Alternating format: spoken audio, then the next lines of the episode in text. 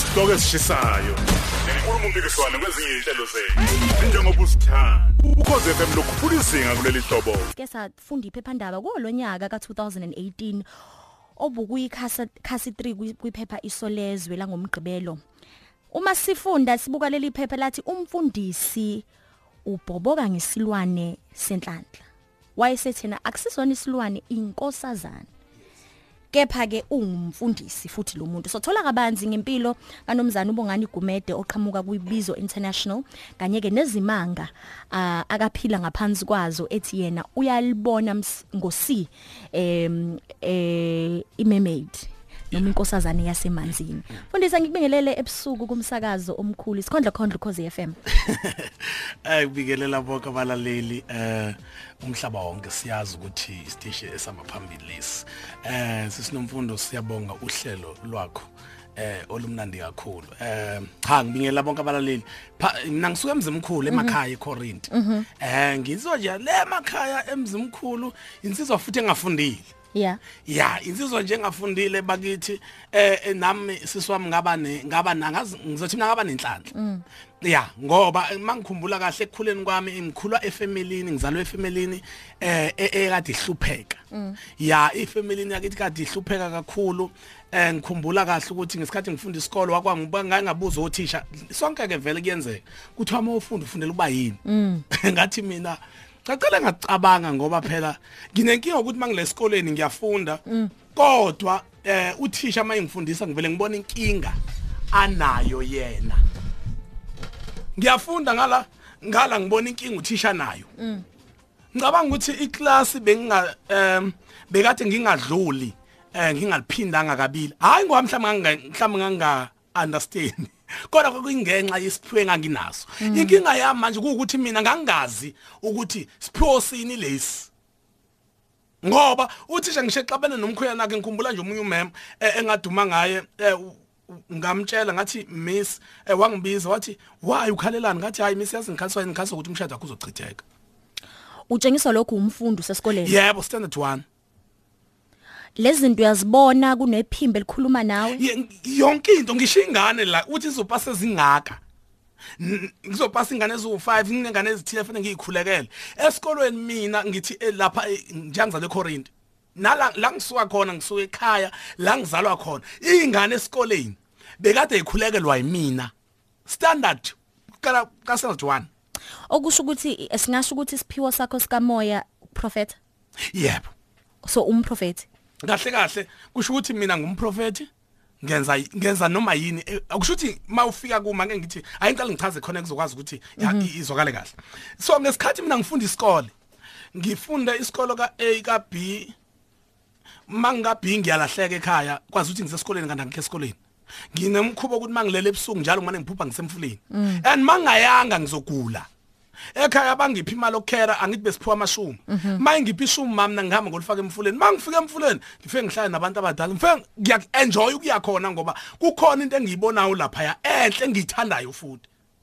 Njalo ngikhumbula ukuthi ngize ngafeyila esikolweni ngafela kwazi kwakabili baze babuza kwasuka uthisha wabiza abazali kwathiwa lo mntwana uyaqhwesha usuke phi? Mina ngiyasaba ukulisha iqiniso ukuthi hayibo ngiphuma la ekhaya ngathi ngiyesikoleni kanti ngiye esikoleni mina ngiyemfuleni manje simanga ukuthi mangifika esikolweni mina futhi ufathandazela ingane esikolweni mina futhi ahlolela ingane kodwa mina ngi- ah, ngibuye nje lapha emfuleni senginamanye amandla. Into engizoyibhala ngiyazi njengoba ukuthi kusasa ngizobe ngibhala ukuthi.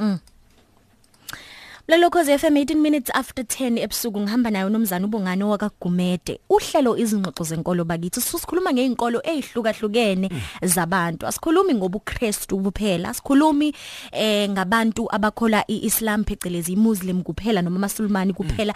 Sikhuluma nabantu futhi abakholelwa kwinkolo yesintu bethi bayayisheba beyishebe futhi ke nezwi noma neBhayibheli. Sizokubona ukuthi lempilo lenkolo abayiphilayo isebenza kanjani ngoba bathi yabasebenzela. AmaKristu azokhaletha ukwazi ukuxuba awukwazi ukusheba lento leyezwi ihamba yodwa.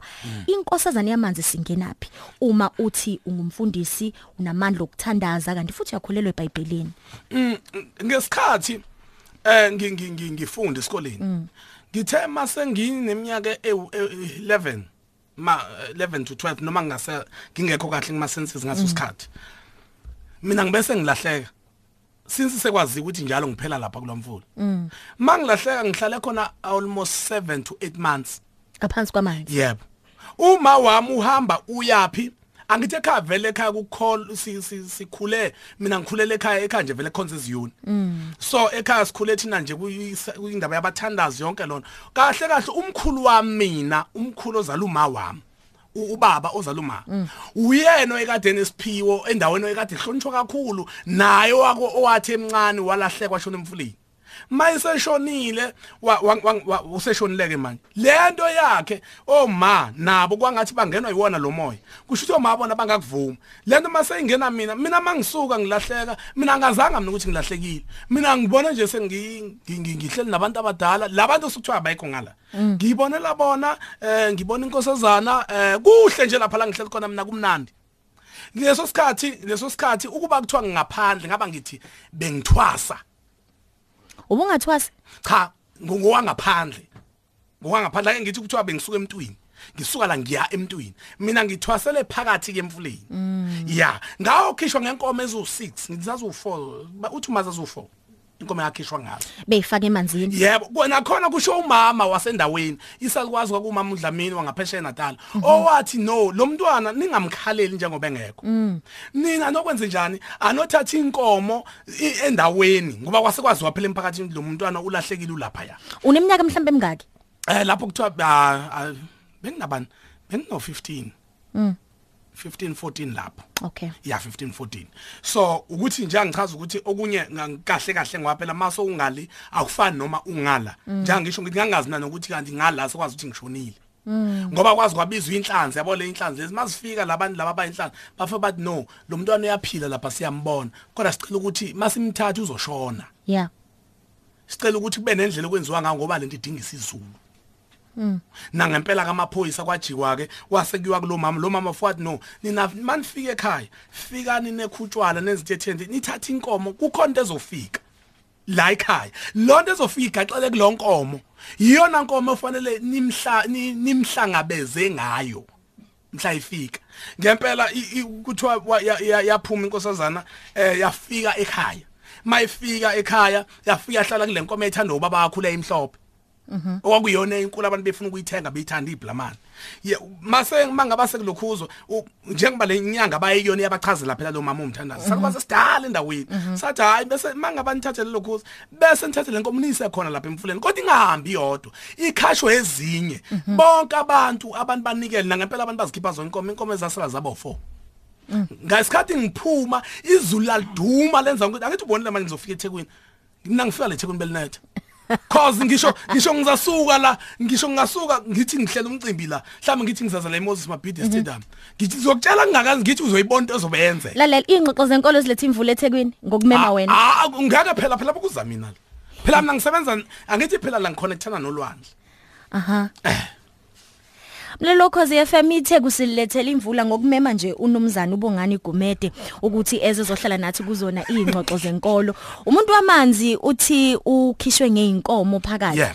Asike sizela imibuzo engangithanda ukubuza abantu abathi bake bashona ngaphansi kwamanzi. Yeah. Umuntu uyagwiliza uma ngene emanzini. Niphefumula kanjani ngaphansi kwamanzi? I- Impilo yakho injani? Aba ngake ngezwe omunye ethi ungena edwaleni e- e- elingena amanzi. Injani impilo lapha ngaphansi kwamanzi uthi uhlale u8 months uphile saka? no indlela thina esazi ngayo ngala nendlela esizibona ngayo izinto akuyizona lento esiyicabangayo U- u- u- umzekelo nje eh um- njengamna nginesiphiwo angithi njalo ngihlezi ngiya Yeah. kodwa ngiyaya ngiyaya ngilale ngiyaya ngibuye kodwa ngaze ngibe nalo ukuthi kodwa ningahamba nami nonke manje kufike ngene nginishiye ngaphandle. Ngingene mina. Uyaphefumula. A- a- a- phela amanzi akabi sabakhona. Uwagcina wona mawusuka la. Ungena noma ikuphi noma unomfula wakho nje nesiziba sakho la wena okwazi ukuthi uphile khona. lapha yana ke mina njengamanje isiba sami singasekhaya.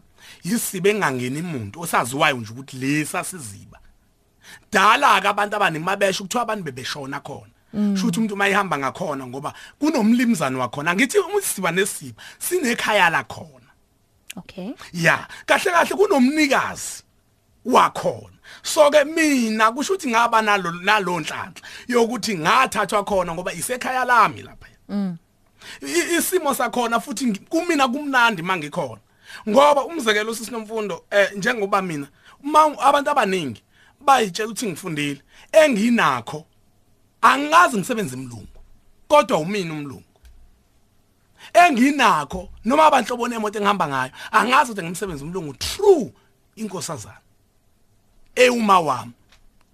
Asizelana ukuthi ubudlelwane buqala kanjani ubakha kanjani nalenkosazana niqala nje ukubonana ezethula kuwena. Umuntu onjani ngoba sikhule thina ngezitori uma sifunda imermaid igama lesilungu sibona ukuthi siza ukuthi umuntu uno ufish ngenzansi ngaphezulu umuntu unenwele ezinhle. Kepha futhi lenkosazana ibe umlungu ungaxakeka ukuthi kushuthi ngisho uJesu umlungu inkosazane futhi umlungu konke nje kunebala el- el- elikhanyayo. Soze namhlanje kumuntu othi uphila nayo uke wahlala naye ukhuluma naye umuntu onjani oyinkosazana no eh, lokhu ukuthi ku ku- ku2 ngiyakuvuma lokuyiqiniso yeah. Ya nanokuthi eh bese kuba khona umkhulu onamakhanda u7 lokho eh, enithi lenithi nenkanyamba Inkanyamba, yes. Mhm. so kukuthi mangaba uyayazi naye. Njengoba ngichazela. Makuukuthi njengoba mina ngi- ngi- ngizobeka kanjani?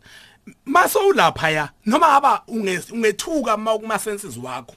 Kodwa mase njengoba ngithukile kuyimanje ukukhuluma naye yeah. yeah. Kodwa manje mawungale isimo isimo salesi siphiwo sikwenza ukuthi into eyenzaka kuwe uyamkele kube ngathi into ebese ivele ifuneka yenzeke kuwe. Okay. Ya hayi ukuthi into osuke vele usemqondweni wakho ukuthi vele ufuna yenzeke kanje. Kodwa nje kuba naleya ndlela yokuthi maso ukhona yonke into oyifundiswayo nento oyiyalelwayo nento oyenzayo ngizathini angazi ukuthi ngizama ukuchaza ukuthi unendlela odomeka ngayo. Yo ukuthi ku- kuwe kuyafana nephupho. Ah. Yakithi yabona mawuphupha mawuphupha ngisho umuntu ekushaya uyavuma ungavumeleka ukuthi ushayeke ngoba kahle kahle kuba into kanjalo A- akona ama senses mangathiwa nje nami ngokwami ngowama senses wami ngangeke ngivume. Kodwa ngendlela okwenzeka ngayo nje mina ngagcina ngiya. Ngagcina ngisanikela ngabona nje ubaba waqhamuka wangibiza kwangathi umuntu engimjwayele kanti sengiyangena emfuleni. Yeah. Mang